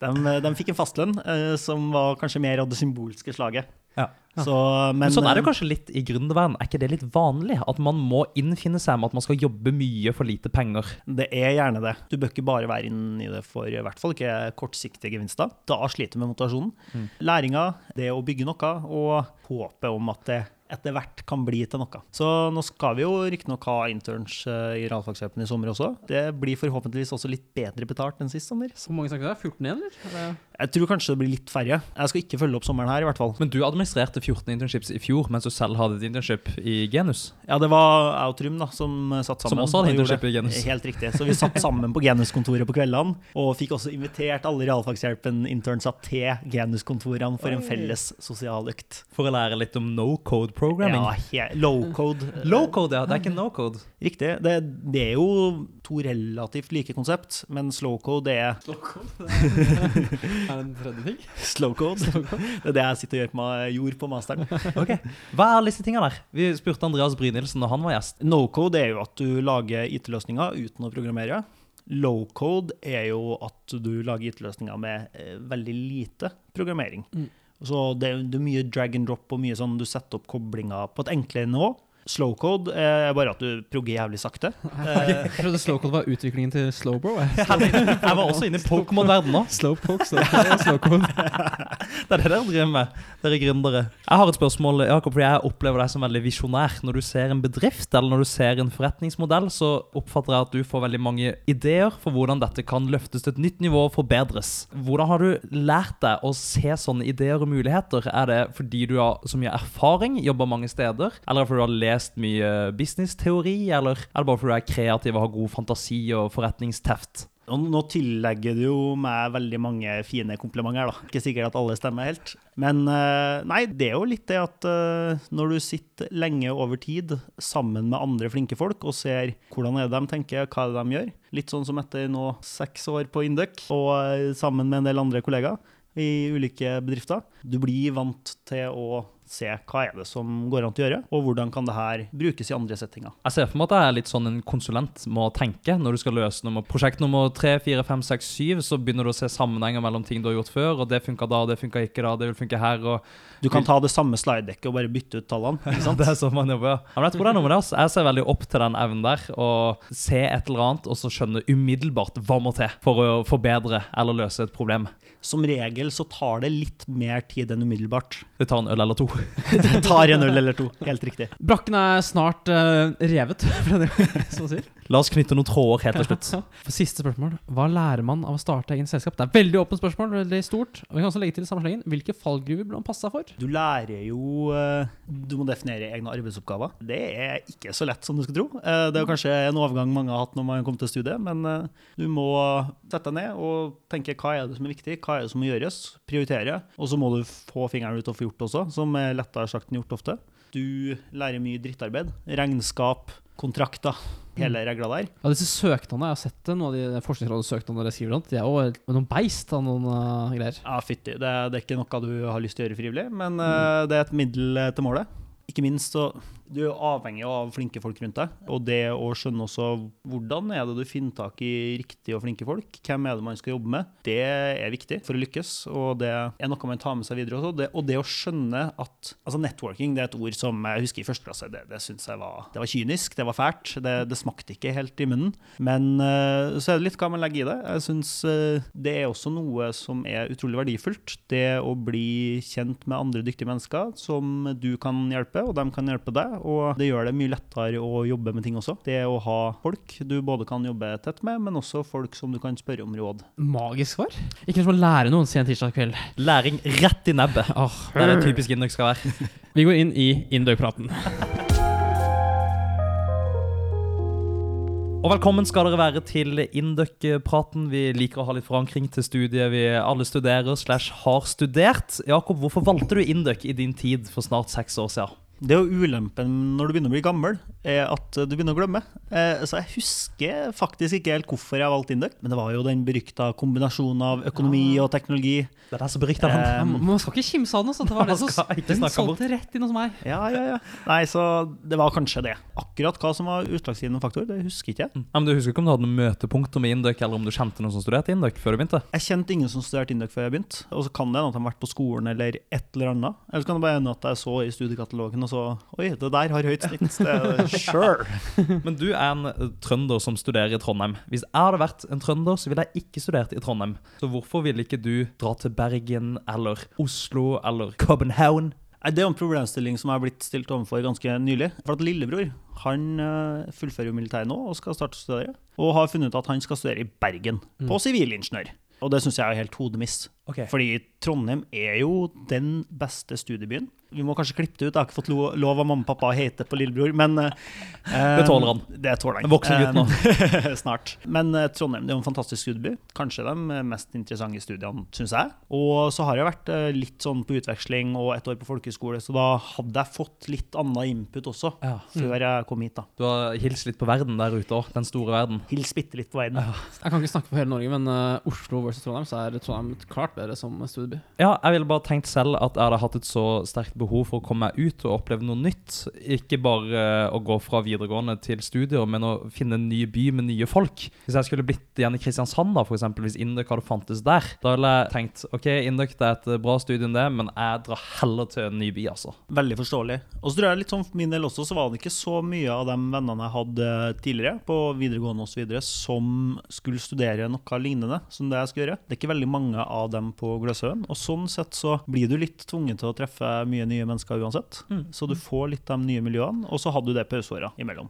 Hva sitter du igjen med etter fem og et halvt år på Indøk? da? En mastergrad Mm. Ja, rik. og ring. Eh, Åtte internships og 15 startup-bedrifter. noe sånt. Jeg har ikke helt regna på det. Men eh, en fin studietid. Til våre yngre lyttere, hvilke topp to fag syns du man burde følge best med i? Du som har hatt alle. Jeg var veldig glad i objektorientert programmering. Det var jo kanskje det faget som gjorde at jeg bytta fra Indøk Maskin til Indøk Data. Eh, Hva- Tretteberg ga han en klem etter eksamen for at jeg tapte stein, saks, papir utenfor eksamenslokalet. Og der var straffen å måtte gi en klem til Ja. forlærer. Helt riktig. Fin fyr. Eller kanskje ikke alle syns det nå lenger. Nei, ikke de som sitter i fengsel og heter å juksa på Java-eksamen. Vi sender våre beste ønsker til dere.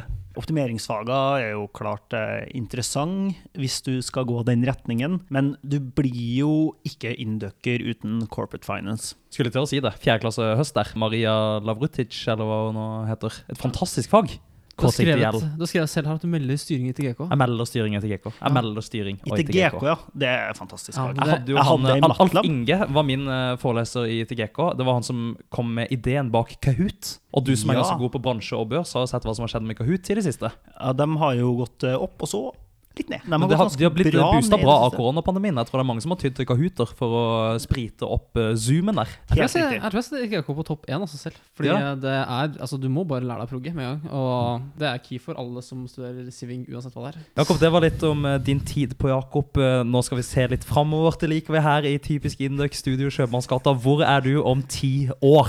Var det en glipp, eller var det Altså her. Jakob, Jakob, det var litt om din tid, Jakob, det var litt om din tid på Jakob. Så Vi prøver litt. Jakob, det var litt om din tid på Indøk, men nå skal vi vende nesa litt eh, fremover. Det liker vi gjør her i typisk Indøk Studio Kjøpmannsgata. Hvor er du om ti år? Nå er jeg genuint nysgjerrig. Nei, det her måtte jeg jo fundere litt på. Men eh, om ti år, da har jeg førtidspensjonert meg. eh, og sitter på en vingård i Sør-Afrika. Perfekt. Det er håpet, i hvert fall. Vingård i Sør-Afrika. Glad i vin? Ganske glad i vin. Hæ? Glad i Sør-Afrika? Veldig glad i Sør-Afrika. Glad i førpensjon? det gjenstår å se. Har du tatt tak i egen pensjon? Jeg leste nylig om eh, William som går på datateknologi. 28-åring ble skrevet om i VG i går. William har tatt tak i egen pensjon. Det er en ny lovendring nå som gjør at du kan styre pensjonen din. Du kan flytte den ut av arbeidsgivers eh, løsning og sette pensjonen din i egen bank. Ja, jeg har ikke tatt tak i egenpensjon. Eh, og det er kanskje også litt fordi at som gründer så opparbeider du deg ikke sånn helt vilt mye pensjon. Nei, nei. Jeg tror ikke det har så mye for seg helt enda. Men det er klart når du selger din unicorn, så har du på en måte tatt tak i en egen pensjon på den måten. Hvor eh, i Sør-Afrika tenker du? Nei, Mm. jeg var jo på utveksling i Sør-Afrika, eh, i Cape Town. Altså, du kan si mye om Sør-Afrika, og det, det er ikke alt som fungerer. Men eh, naturen og en del andre ting er fantastisk fint. Og de har jo en del eh, vindistrikt Mm. eh, ikke så langt unna Cape Town, som er veldig I fint. Durban. Nei, ikke der, Nei. men du har noe som heter Alle jeg møter fra Sør-Afrika, er fra Durban. One hour away from Cape Town. Ja, riktig. Det er sikkert fint der òg, ikke vært uh, sjøl. Nei. Men eh, Stellenbosch, der har Ok. de for øvrig et ganske OK universitet òg, har jeg hørt rykter om. Der er det fint. Ja, Du sa at eh, det er ikke alt som fungerer i Sør-Afrika. Vi har fått spørsmål fra Trym, partner in crime. Hvordan var det på utveksling i Sør-Afrika under vannmangel? Det var jo en interessant affære. Vi måtte jo kompensere. Vi kunne ikke drikke vann, så vi måtte eh, Drikke saft. saft. Gul saft. Gul Bare saft. Rema 1000. Det jeg har hørt rykter om at det er den beste saften. Ja, det her er vill saft. Nei da, du eh, kan jo ikke bruke like mye, så du må dusje raskt. Ha en bøtte i dusjen for å spare. Men var det permanente ting? Er det sånn at det ofte skjer, eller var det et eh, ekstraordinært tilfelle at eh, disse grunnleggende fasilitetene ikke eh, er på plass? Det, det har jo vært tørke i Sør-Afrika. Men du trenger kanskje ikke å være rakettforsker for å skjønne at eh, etter to år med tørke, og eh, det begynner å bli litt lite vann, og en ganske heftig befolkningsvekst, så Mm. kan det hende at vi får en vannmangel. Men så er det jo heller ikke så mange rakettforskere som sitter og styrer Sør-Afrika. Så Nei, det er sånn det sett så Vi har vært innom det tidligere i podkasten i en Håkons refleksjon at eh, det er mye vannkonflikter eh, globalt, og at det på sikt kan utløse kriger. da. Det er mulig å løse her på andre måter òg, men eh, i hvert Du er fall- ganske bull på Imsdal, da, med andre ord. Veldig kul film, da. liksom. Nei, det er spesielt, jeg er bekymra spesielt for eh, Indus-dalen her, og egentlig Pakistan og India. Ja, Det blir spennende å følge. Vi er opptatt i drømmer her, Jakob. Så jeg lurer på om det er noe du ønsker å oppnå eller få til i løpet av ditt eh, personlige liv eller din eh, karriere. Som vi toucha innom i stad, så, så begynner det å bli på tide å ha noen å ta med hjem til mor. Så i løpet av ti år så bør jeg vel kanskje få plass til den. Ja, fordi du vil ikke ta, ta med Trym hjem til mor. Nei, eh, hun har fått eh, sett han også, så vidt det. Så det, la oss finne noen andre. Ja. Helt enig. Eh, men eh, det var vel Olaf som så vidt toucha innom det på en tidligere pod. Det å bare leve et godt liv, det å sitte og fiske, det er for så vidt fint, det også. Og så er det klart, det er gøy å skape noe, men eh, det er viktig å ha det litt gøy på veien også. Et eh, liv der hvor eh, det er godt og gøy, men eh, man kanskje har et netto positivt bidrag, det er jo ikke helt feil, det. Ja, Det høres eh, fryktelig bra ut. Vi unner deg et eh, netto positivt bidrag. Vi unner deg grønne tall, og vi unner deg en fin reise og en fin destinasjon. Jakob, hva er typisk Induc for deg? Typisk Indøk for meg, det er folka. Det er jo kanskje din enganger. Det er flinke folk, og de fleste ønsker å få til noe. Det er ikke bare oss som har lyst til å starte selskaper, som ønsker å skape noe og utrette noe, og det er en gjenganger. Og så er det overraskende mye trivelige folk. Det er folk som vil hverandre godt. Det er sjokkerende lite exit-stemning. Og ja, nei, det er mye flinke, dyktige, men ikke minst trivelige folk. Åh, en meget god oppsummering her. Og i lys av dette, Jakob, vil du si at du er typisk Induc? Ja, nå har jeg faktisk eh, gått ut og samla litt data i forkant. Er jeg typisk Induc? For at det er jo klart man går med to disk til verks. Ja. Eh, Så jeg har både spurt noen og fått litt eh, varierte svar. Gjort noen dybdeintervjuer? der, sånn Gjort sammen med noe kvalitative dybdeintervju, data? helt riktig, og fått litt eh, både ja og nei. Men eh, jeg kom fram til at det kvantitative er jo det letteste å se på. Ok. Og nesten alle indøkere begynner jo enten å jobbe i finans eller bli konsulenter. Mm. Jeg skal jo, spoiler alert, kanskje ikke gjøre det. og da er jeg vel kanskje ikke typisk Induc. Nei, så eh, Mannen som altså ble kåra til Mr. Induc i årboka i fjor, er selverklært ikke typisk Induc. Den er grei, det var Induc-potten. Vi skal inn i lytterspørsmålsspalten. Jingle, jingle.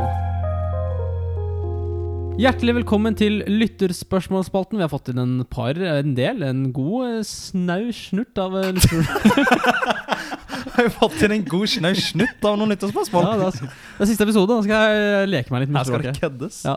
Først starter vi eh, igjen fra Trym. Vi holder oss i Trym-verden. Stemmer det at Jakob reiste til USA pga. et internship i Oslo? Det stemmer. Det var når jeg jobba i Spacemaker. Det var jo før de ble kjøpt opp av et amerikansk selskap. Mm. Så de har et lite kontor der som driver med R&D. Og så var det litt sånn vi så på kan man utvide et nyland, og hva er det som skal til der. Så da, da ble det en tur til USA. Det var jo ikke så godt tima, for at det var jo akkurat når korona traff. Så mens jeg var der i USA, så var det litt sånn Ja, får jeg slippe hjem? Får jeg ikke det? Kom tilbake til Trondheim, eh, og dem jeg hadde bodd hos, de tok med bagasjen min på Gardermoen. Og så var det bare å- sånn at jeg ikke var innom hjem til dem, sånn at de måtte i karantene. Og så bare skippe meg rett hjem til Trondheim. Eh, Var det et Yes. kult internship da, i USA? Det er ikke så mange som får anledning til det. Ja, så Det var jo ikke hele internshipet, det, men eh, en tur på slutten. Det var fint, det. Da dro jeg tilbake til Boston, der jeg var på videregående. Så da kunne jeg gå og liksom speide litt på det huset der jeg bodde der, og i det hele tatt. Ja, sa du hei til vertsmor og vertsfar? Det var jo ikke vertsmor og vertsfar, fordi vi dro hele familien. Det var på en måte utveksling, men hele familien dro til USA, da. Det er første gang jeg har hørt om, tror jeg. Ja, Hvor kom den ideen fra? Nei, den kom vel sikkert fra mamma eller pappa. Pappa jobba der da ett år. Der. Tok en sånn såkalt sabbatical. Er det et eh, forskerbegrep, eller Riktig. akademia-begrep? Så han er jo professor på NTNU, og da tok han eh, ett år på eh, MIT. Kjent sted for mange indokere. Så det var fantastisk. Vi kan jo bare hoppe rett på et lyttespørsmål fra Pål E. Bassen. Tidligere klassekamerat. Fallskjermjeger også, derfor han har så morsomt navn. Og det er hvordan er det å ha en far som er professor på NTNU? Det er en grunn til at jeg ikke har gått Induk Marin, da, for å si det sånn. Eh, Fordi der er Stein Ove Erikstad professor på marinteknikk. Helt, helt riktig. Men eh, jevnt over ganske koselig. Han har kanskje vært eh, en eh, like delaktig veileder for oss gjennom eh, masterperioden som vår faktiske veileder, så det, det er noen perks med det også. Ja, Det bringer oss litt inn på neste spørsmål eh, fra Pål og Bassen også, hvis vi skal gå rett dit. Og det er Og jeg sliter som å orientere meg i disse spørsmålene. Men her har vi det. Det neste spørsmålet fra Pål Bassen går litt inn på dette her. da, For han spør om Jakob har tips til hva man kan gjøre dersom man ikke kommer så godt overens med sin masterveileder. Og da Nei, tenker han sikkert på forhånd mellom deg og din far. Helt riktig. Eh, Jeg kjenner ikke til konseptet i det hele tatt. Eh, Men eh, hvis jeg skal gjette, da, så tror jeg det- det handler om kommunikasjon. Det kommer alltid tilbake til kommunikasjon. Jeg svarer på alt. Og så handler det om å ha noe hardt å klemme på. OK, en stressball? Ja, Eller? eller en kaffekopp, sånn som Trym er blitt eh, kjent med. OK, for å få ut frustrasjonen i den, istedenfor å la det eh, Ja. bevege seg ut verbalt. Ja. Den er, den er fin. Klemme litt. Jeg føler at vi snakker litt i koder nå, men eh, Vi snakker litt Neida. kode, men det får, Eh, da får folk tolke. Tolke? Liksom all, all spøk til side, så eh, har det fungert veldig godt. Men eh, det er ikke alltid kommunikasjonen går eh, knirkefritt i starten, og så må du lære deg hvordan er det man skal snakke da, med den andre parten. Jeg ser jo for meg at Trym er en fin mann å sitte med i en setting som kan være litt stiv og klein. At det kan komme litt humor, at man kan le litt og avvæpne. eh, Du skulle tro det, men eh, når Trym er profesjonell, så er Trym profesjonell. Altså. han kan slå opp, ja. Ja, ja. ja. Er ikke bare en gjøgler. Nei, ikke alltid. Nei, Han kan spille fotball òg. Ja, jeg syns Trym har vært rå. Han med revystyr, for eksempel, i år. Ja, var Han- kreativ sjef i revyen. Ja, beste ferdighet kanskje er hans ferdighet som hypeman. Dra motivasjonen opp når den er litt nede. Det kan stemme. Så han motiverte Peter Schütz når Peter Schütz var nede. som masterveileder. Helt riktig. Vi tar det eh, bare for å avslutte dette kapittelet om Trym, så har Trym også spurt eh, hva Jakob sitt forhold er til nettverksbygging. Og han kommer altså med en informasjon her til slutt om at du er sannsynligvis den eneste indokeren som har mingla på indekstur med sikte på en jobb i Singapore. Så fortell litt om nettverket og minglinga. Nei, det var jo litt tilfeldig, for at, eh, da hadde jeg jo vært eh, i Hongkong. Da var vi eh, i eh, Bank of China, og i tillegg til at eh, de snakka litt eh, dem, så hadde du en nordmann som eh, holdt på med et eller annet kapitalfirma. For så vidt et helt OK foredrag, det. eh, Spennende. Og så var det litt sånn etterpå, så sto nå han der, eh, og det var litt diverse som snakka med han. Jeg spurte egentlig mer eh, kjenner du til et bra sted å spise lunsj. Fordi Du var der, eh, ja, det var litt sånn han er jo herfra. Ja. Konsekvensen, som jeg var helt uforberedt på, var jo at eh, han og hun ene andre som holdt et foredrag, de tok jo og inviterte en liten gjeng av oss med på lunsj. Og det var jo den kekeste lunsjen jeg har vært på noensinne. På en Å, sånn derre nei, sant. asiatisk eh, Skikkelig sånn eh, dumplings og hele pakka. Så da var vi en ti stykker som fikk eh, lunsj. Og det, det var liksom aldri sagt eksplisitt, så jeg tror flere av oss var litt svett for at oi, må ender vi opp med å betale det her sjøl? Men eh, ja, han tok regninga. Jeg tok det, ja. Et eksklusivt eh, bedpress-nach eh, der. Riktig. Det er jo helt rått i Hongkong, altså. Men så var det litt spennende det han drev på med, så da fyrte jeg av gårde en melding til henne i etterkant og hørte eh, er det noe å finne på her. Og så ble jeg, det ble jeg aldri noe av, da. Nei. Men eh, det hadde, klart det hadde vært kult å være litt i Singapore. Ja, ja. Og plutselig investerer han én million i studmatch. Hvem Ja, vet? eller ti. Og en dumpling. Ja, eh, minst én dumpling. Skal du ta et spørsmål fra Andreas Brynildsen her, Håkon? Ja, jeg kan gjøre det. Det er eh, da femteklassing Andreas Brynildsen og tidligere gjest av podkasten. Innebærer Jakob Erikstads revolusjonerende ideer for genus at han burde frykte for jobben sin til høsten?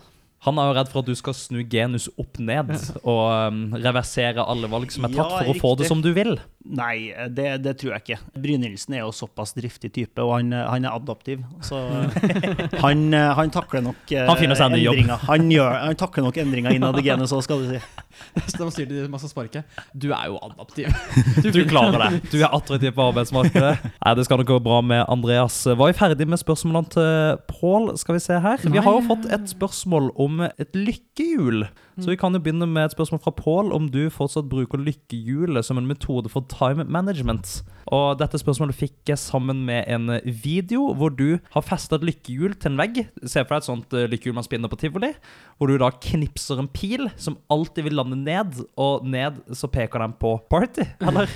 Ja, Eller helt noe riktig. sånt. Så du har en del ulike alternativ. Da, for at det, det handler om at eh, av og til må du jobbe med skole, av og til må du jobbe med andre ting, av og til må du vaske, og av og til skal du ta en fest.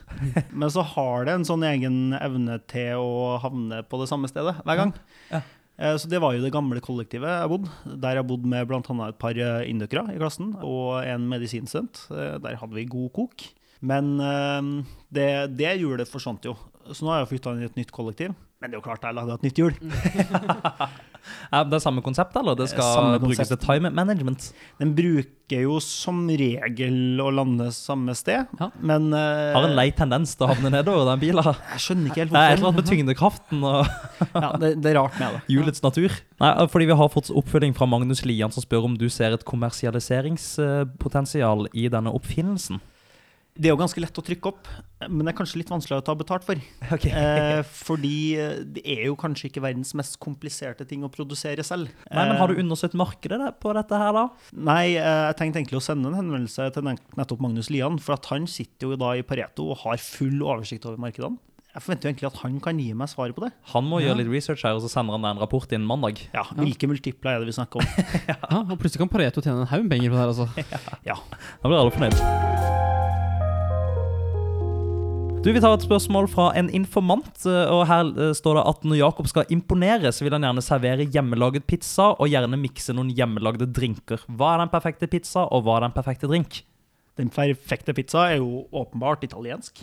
Den er tynn bunn, som er litt crispy, og du har gjerne noe geitost. Selvlagd saus, eh, selvfølgelig.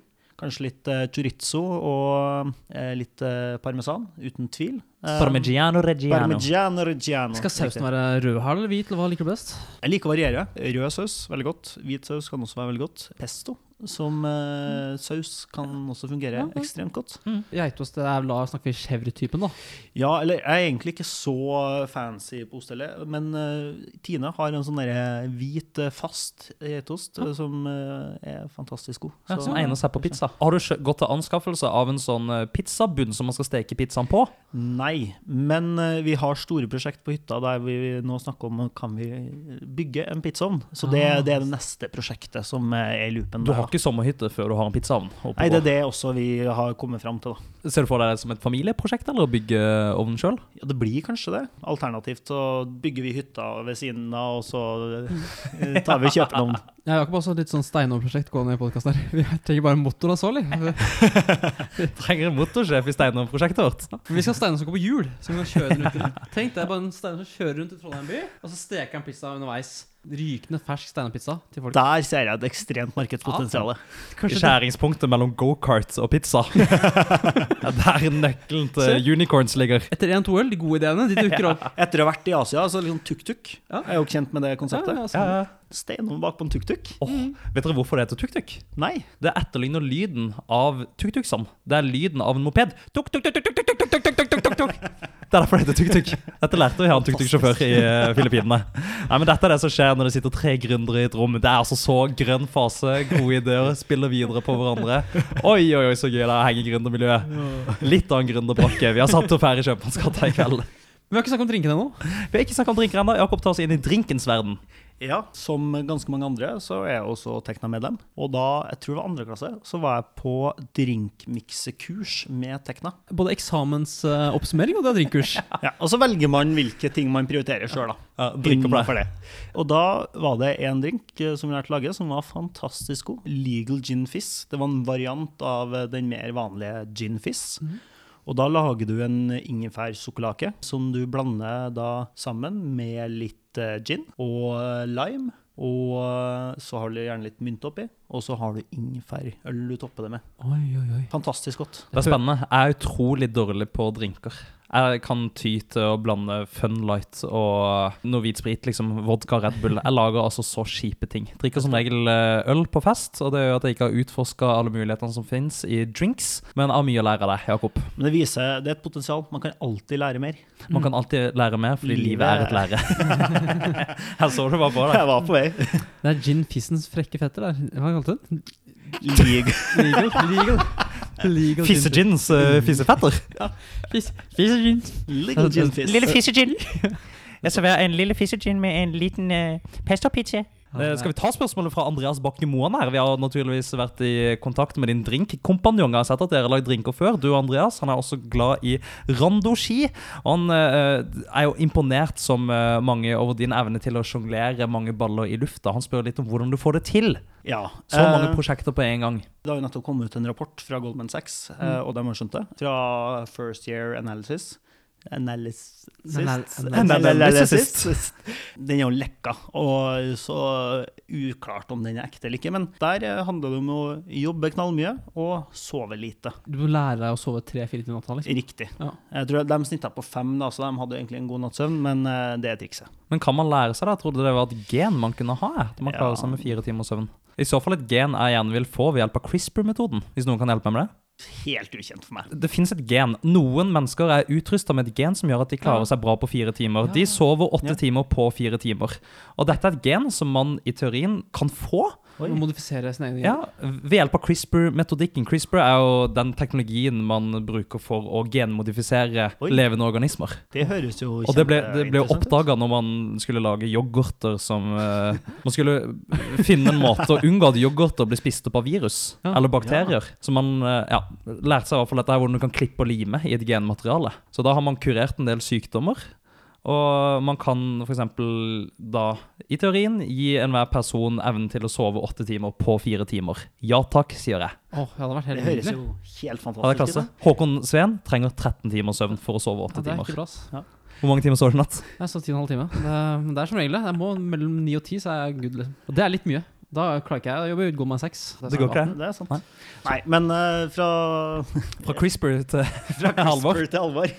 Så eh, jeg tror det handler mye om å bare senke skuldrene, og du får gjort jævlig mye hvis du ikke skal være perfeksjonist. Det er jo kanskje litt tungt å høre for mange indokere, men altså, det blir ikke nødvendigvis så veldig mye bedre hvis det skal være helt perfekt. Mm. Gjør det bra, gjør det godt nok. Godt nok er et fantastisk ord. Jeg er helt enig. Jeg har Og gi hørt det bli deg. sagt før at du blir ikke betalt for å gjøre det perfekt, du blir betalt for å gjøre det godt nok. Ja. Mm. Og det er en sånn 85 %-regel som man kan lene seg litt på der.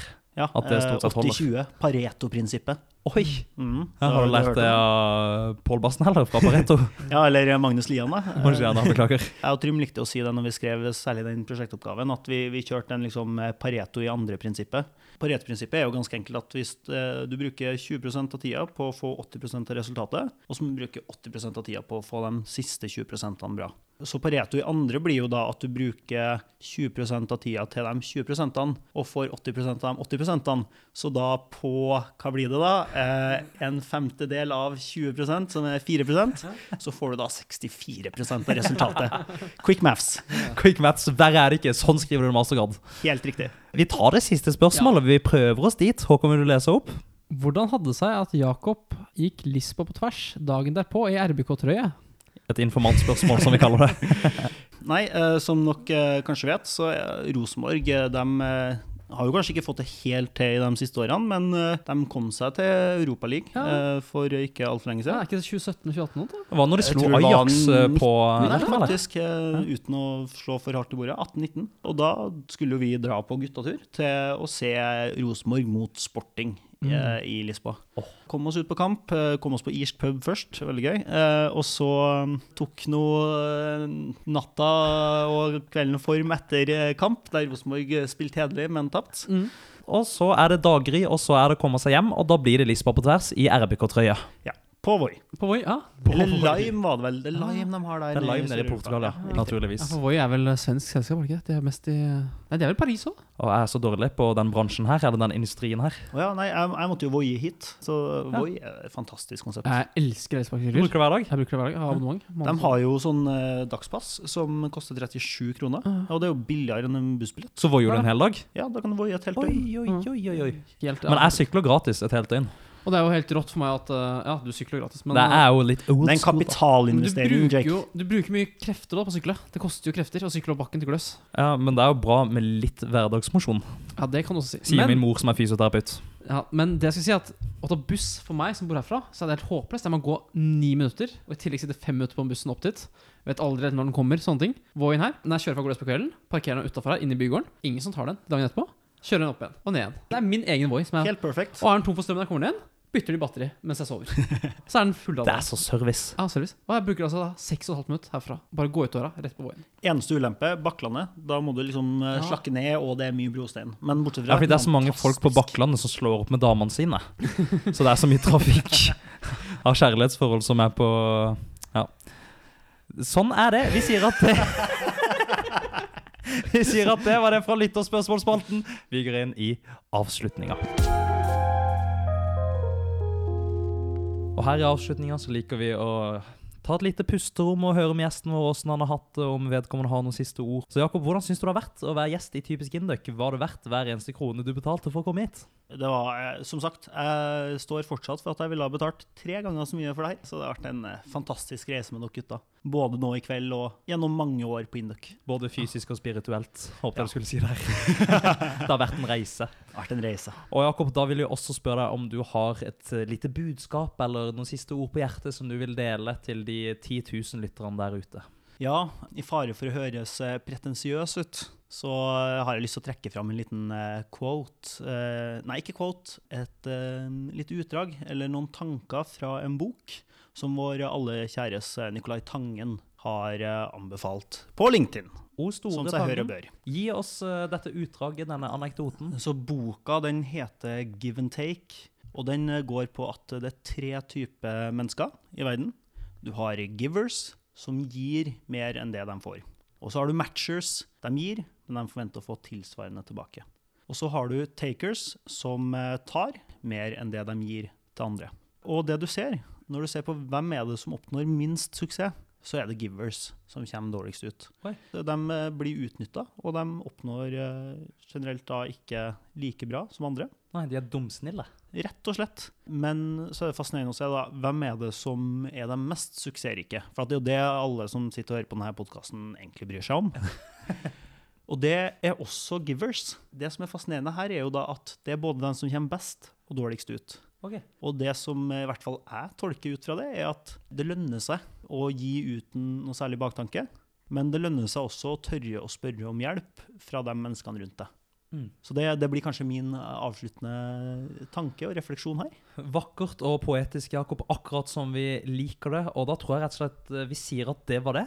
Tusen takk for at du tok deg turen til studio Kjøpmannsgata. Vi håper du har fått eh, bang for the buck, valuta for eh, penger, og hatt eh, en god opplevelse her hos oss. Vi har i hvert fall storkost oss med din tilstedeværelse her i vår egen stue. Jakob Erikstad, alumni, tidligere inndøkker, seriegründer, god venn av Trym. Tusen takk for eh, at du kom. En forbanna legende. Håkon, vil du avslutte? Ja, jeg vil gjerne avslutte med en liten låt jeg har skrevet, så sleng dere på, da. Ja, Gi oss gjerne en låt. Ja, ja, kjør på. Ja, vi elsker gründerbrakka som den vokser frem. Unicorns hvor enn vi snur oss, her kan det bli spenn. Elsker, elsker grønne faser mer enn alt på jord. Og den søknaden vi sendte, den skal gjøre meg stor. På den søknad skal vi vente fra Gründerbraka der jeg bor. Ok, da, sjø. Veldig spesielt. Det ble en- det ble en tidsforskjøtten her.